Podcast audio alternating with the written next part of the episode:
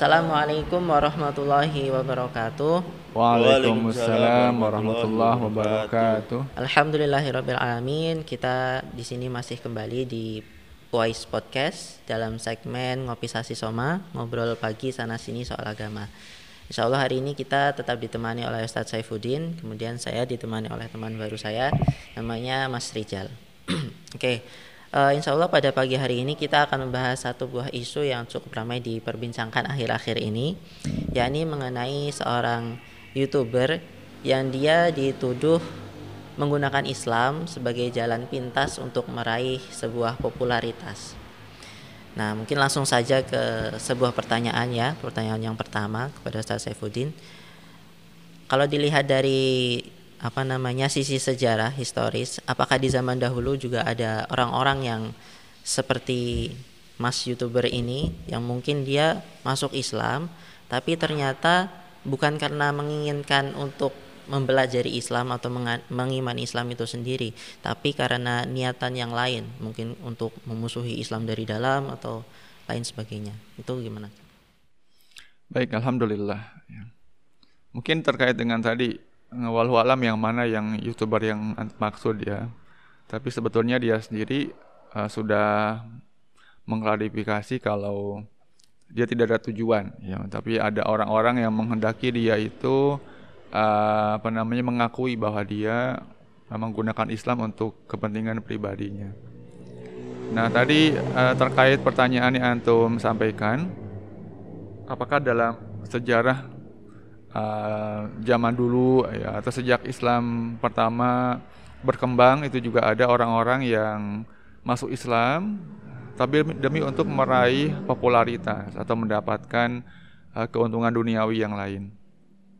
Tentu kalau kita perhatikan ya selalu ada ya selalu ada uh, orang-orang uh, yang seperti itu. Walaupun itu bukan di masa-masa paling awal ya Islam uh, disebarkan atau disampaikan oleh Rasulullah di di Mekah. Ya. Jadi kalau dalam sejarah itu misalnya uh, munculnya bibit-bibit orang-orang yang tadi masuk Islam tapi uh, tidak dengan kesungguhan. Ya, kita mengenal seorang tokoh itu Abdullah bin Ubay, ya, seorang tokoh munafik yang dia uh, memang masuk Islam itu demi untuk uh, mendapatkan keuntungan duniawi. Ya bukan betul-betul dia masuk Islam untuk menjadi seorang muslim yang baik yang kemudian tunduk patuh kepada Allah dan kepada Rasulullah ya. Dan tentu dalam perkembangan berikutnya ya semakin Islam atau kaum muslimin mendapatkan kemenangan ya kemudian menguasai wilayah yang semakin luas maka orang-orang yang memiliki tipikal seperti Abdullah bin Ubay itu semakin bertambah jumlahnya. Karena mereka uh, melihat ternyata uh, Islam semakin berkuasa, Islam semakin uh, menunjukkan kejayaannya, sehingga mungkin mereka berpikir ya mereka bisa mendapatkan keuntungan-keuntungan duniawi ya dengan mereka masuk Islam dan itu uh, merupakan hal yang tidak bisa dipungkiri. Ya di mana pun dalam kehidupan manusia, tidak hanya dalam kehidupan kaum muslimin, ya tentu ada tokoh-tokoh yang seperti itu. Ya oportunis memanfaatkan kesempatan ketika kondisi itu memungkinkan bagi dia untuk bisa mendapatkan keuntungan yang sifatnya duniawi, maka dia akan kemudian menggunakan kesempatan itu ya untuk kepentingan dirinya. Jadi dari masa ke masa orang-orang yang memiliki tipikal tadi memanfaatkan Islam itu pasti ada. Ya, bahkan sampai sekarang pun saya kira hal yang lumrah ya. Kita menyaksikan uh, di dunia politik terutama misalnya orang-orang yang memanfaatkan Islam di masa-masa tertentu dia menunjukkan apa namanya penampilan atau perilaku yang sangat islami tapi tentu itu tidak dengan tujuan untuk betul-betul menunjukkan uh, kebaikan Islam, tapi lebih kepada untuk mendapatkan uh, keuntungan duniawi bagi dirinya dan juga bagi kelompoknya. Oh, menanggapi hal itu tadi ya, ya.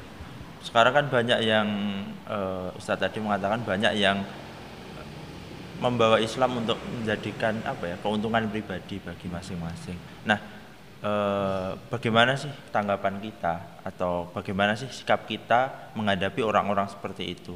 Kita kan juga tidak tahu mana orang yang eh, kasarannya disebut apa ya, pansos dengan Islam atau tidak.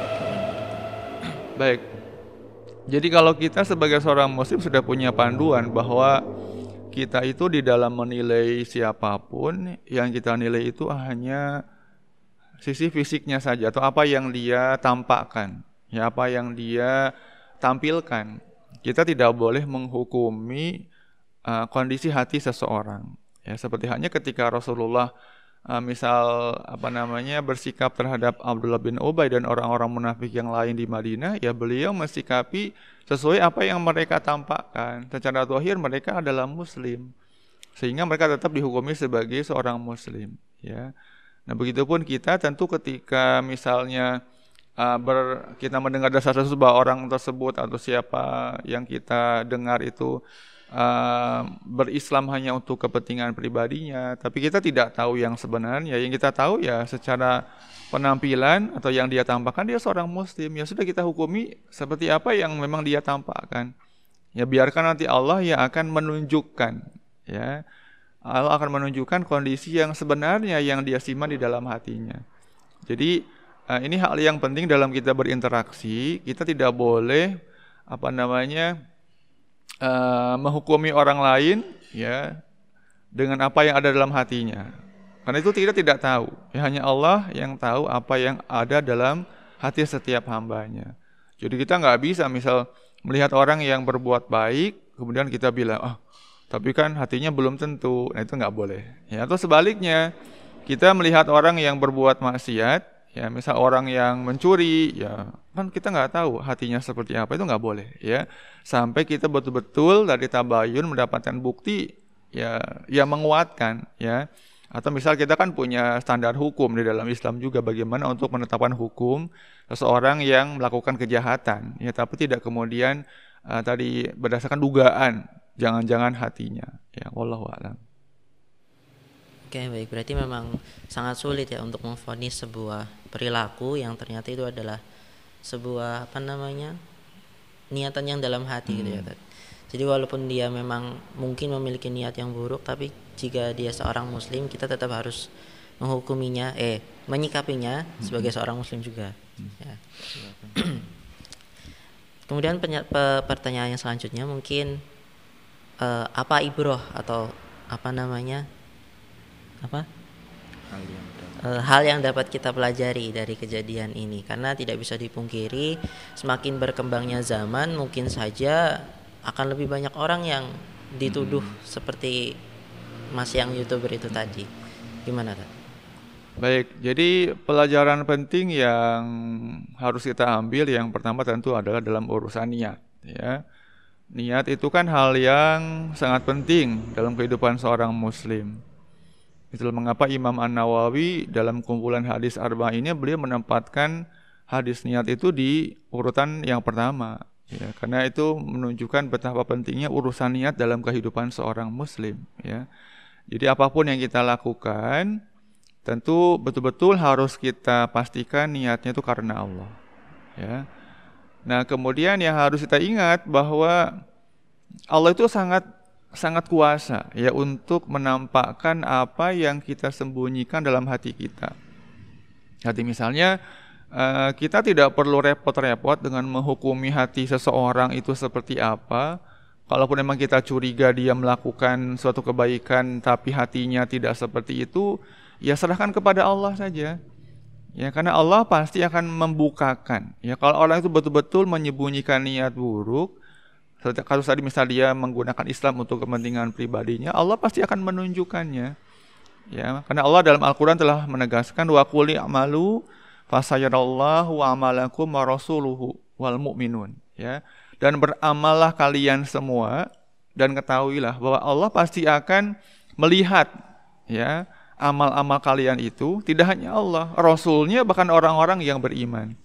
Jadi artinya seperti apa kualitas amal kita itu sebetulnya nanti akan kelihatan.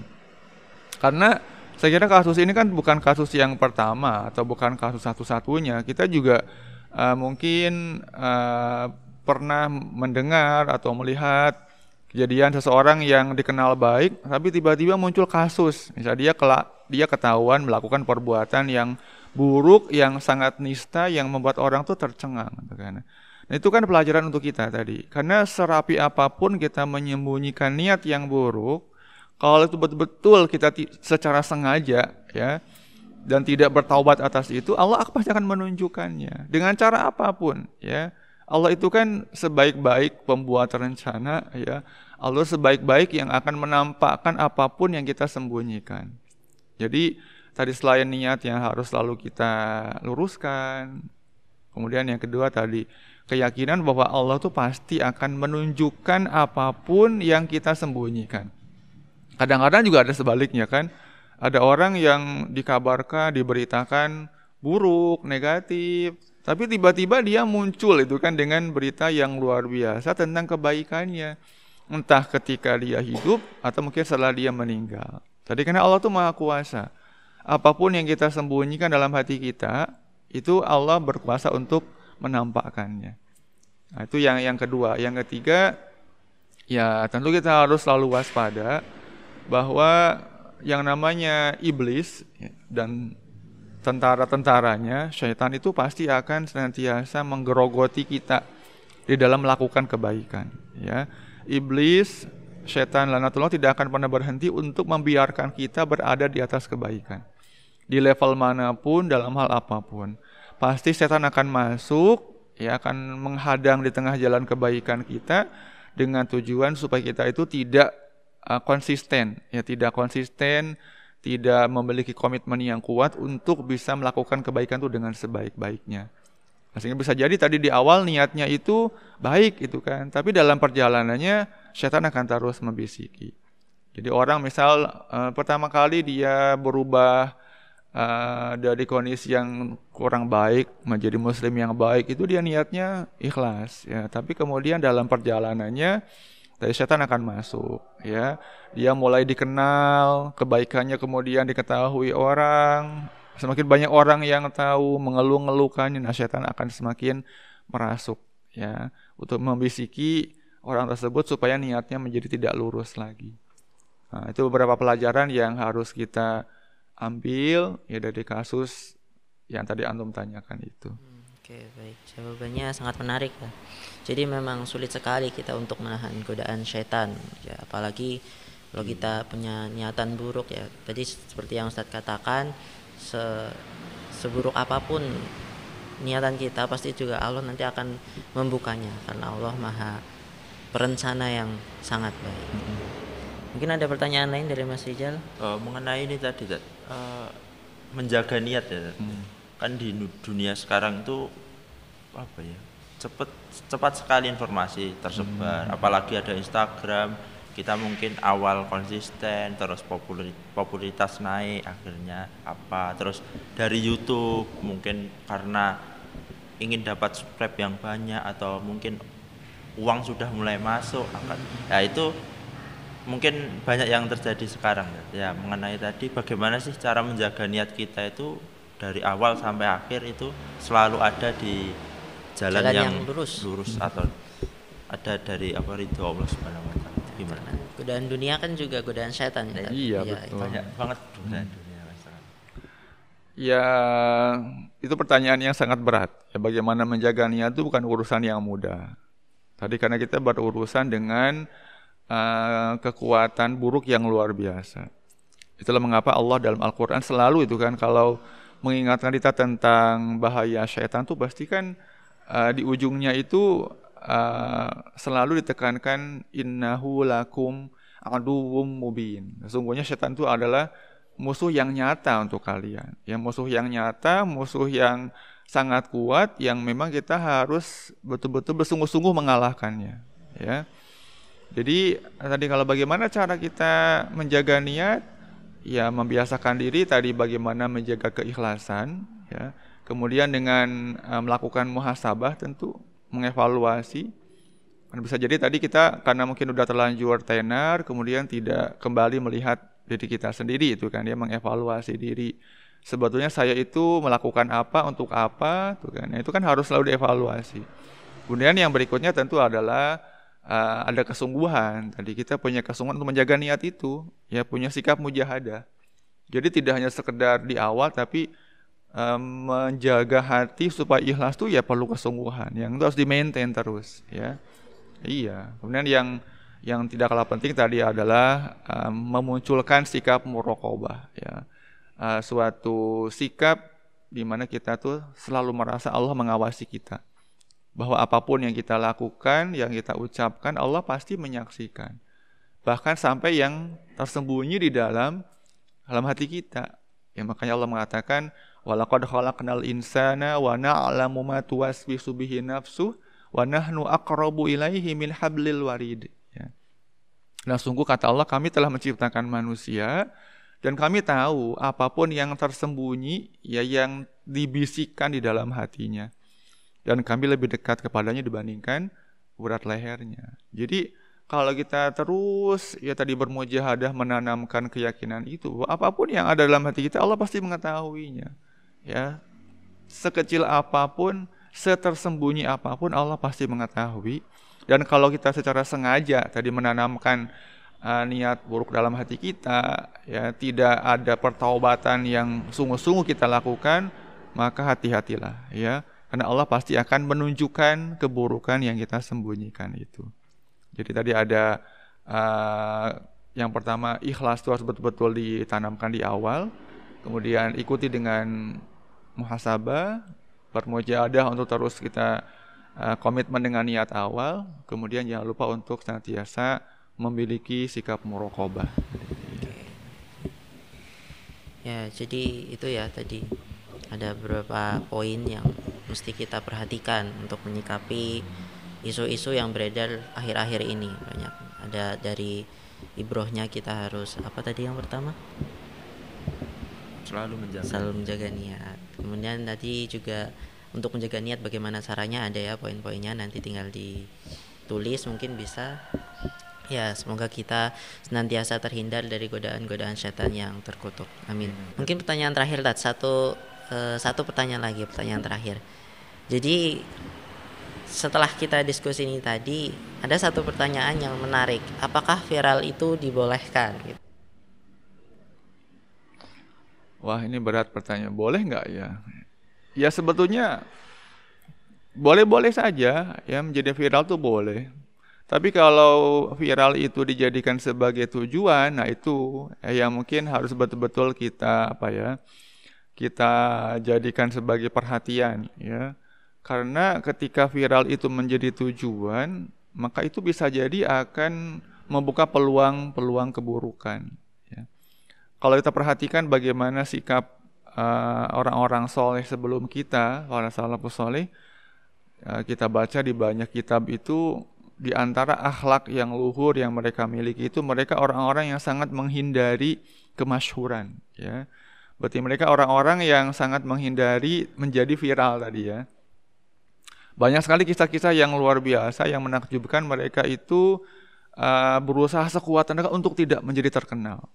Walaupun mereka punya potensi yang luar biasa untuk itu, ya. Misal mereka sebagai uh, prajurit yang pemberani di medan perang. Ketika ada orang yang tahu bahwa dia itu orang yang dimaksud, dia langsung berusaha untuk mengalihkan atau menyembunyikan diri supaya orang tuh nggak tahu. Ada orang yang misalnya ketahuan uh, dengan Eh, sedekahnya ya kemudian dia berusaha menutupi dengan sekuatan itu supaya tidak ada orang yang tahu ya jadi memang begitu luar biasanya orang-orang soleh sebelum kita itu berupaya untuk tidak menjadi viral tidak diketahui kebaikan-kebaikannya. Tapi tentu ya ada viral yang itu merupakan suatu apa ya suatu hal yang tidak bisa dihindari itu kan ya. Artinya bukan karena tujuan. Nah ini harus kita tanamkan dalam hati kita. Kalau melihat orang lain yang tiba-tiba viral, utama dalam konteks kebaikan loh ya, bukan hanya viral yang dalam konteks yang tidak jelas, tapi viral karena kebaikannya, ya kita harus husnudon. Itu adalah merupakan cara Allah untuk menyebarkan kebaikan melalui dia. Kan, ya. Jadi kalau menilai orang lain, Nah, itu harus hati-hati. Ya, ketika ada orang yang viral karena kebaikannya, kita nggak boleh curiga itu kan ya kita nggak boleh buruk sangka wah jangan-jangan dia tuh emang niatnya pengen itu nggak boleh ya tetap kita harus berbaik sangka memang itu ya cara Allah untuk menunjukkan kebaikannya atau mungkin cara Allah untuk kita tahu tentang suatu kebaikan ya terlepas dari niatnya seperti apa. Itu urusan dia dengan Allah. Tapi kalau untuk kita sendiri ya tadi jangan pernah ya harus berupaya sekuat tenaga. Jangan sampai pernah kita punya niat melakukan sesuatu untuk tujuan menjadi viral menjadi terkenal menjadi dikenal orang masyhur ya karena itu adalah satu hal yang bisa jadi tadi akan membuka pintu-pintu keburukan selanjutnya. Dan itu sangat dicontohkan oleh uh, orang-orang soleh sebelum kita. Mereka tuh sangat sangat takut menjadi terkenal, sangat takut ya untuk diketahui kebaikan-kebaikannya. Kalau antum misal baca di uh, apa ya hadis tentang tujuh golongan orang yang akan mendapat naungan kelak di padang masyar ya ketika waktu itu tidak ada satupun naungan selain naungan dari Allah salah satunya adalah orang yang sangat berhati-hati menyembunyikan kebaikan sedekahnya ya yang sa sa saking dia berusaha menyembunyikan sedekahnya itu dia sampai-sampai membuat tangan kirinya nggak tahu apa yang diberikan oleh tangan itu kan hanya sekedar uh, apa namanya permisalan saking tersembunyinya kebaikan yang dia lakukan dan tidak diketahui oleh orang lain. Nah, itu kan keutamaan yang luar biasa yang harus kita upayakan untuk kita dapatkan. Ya, dengan cara tadi apa pun kebaikan yang kita lakukan ya sebisa mungkin atau kita upayakan jangan sampai ada niat kita ingin mendapatkan popularitas, kita menjadi viral, tadi mendapatkan uh, subscriber yang banyak atau viewer yang melimpah. Nah, itu uh, jangan sampai itu terjadi. Artinya kita harus dari awal niatkan apa pun kebaikan yang kita lakukan itu adalah karena Allah untuk menyebarkan kalaupun orang lain mendapatkan kebaikan mudah-mudahan itu menjadi amal jariah untuk kita. Allah alam. Menarik sekali ya kalau kita bicara mengenai viral ini karena di di waktu-waktu sekarang tuh banyak sekali hal yang tiba-tiba viral, ya kan? Kayak odading lah, yang lainnya lah. Gitu soalnya kebaikan-kebaikan yang viral itu juga kita harus apa namanya mungkin sortir juga enggak karena setiap yang viral itu belum tentu baik. Mungkin gitu ya bisa ya? Oke oke. Mungkin itu untuk podcast kita pada pagi hari ini. Nanti kita akan bertemu lagi pada podcast pekan selanjutnya atau episode selanjutnya. Semoga apa yang sudah kita bahas pagi hari ini bisa diambil manfaatnya kemudian dapat kita terapkan juga dalam kehidupan kita sehari-hari. Sekian, Assalamualaikum warahmatullahi wabarakatuh. Waalaikumsalam warahmatullahi wabarakatuh.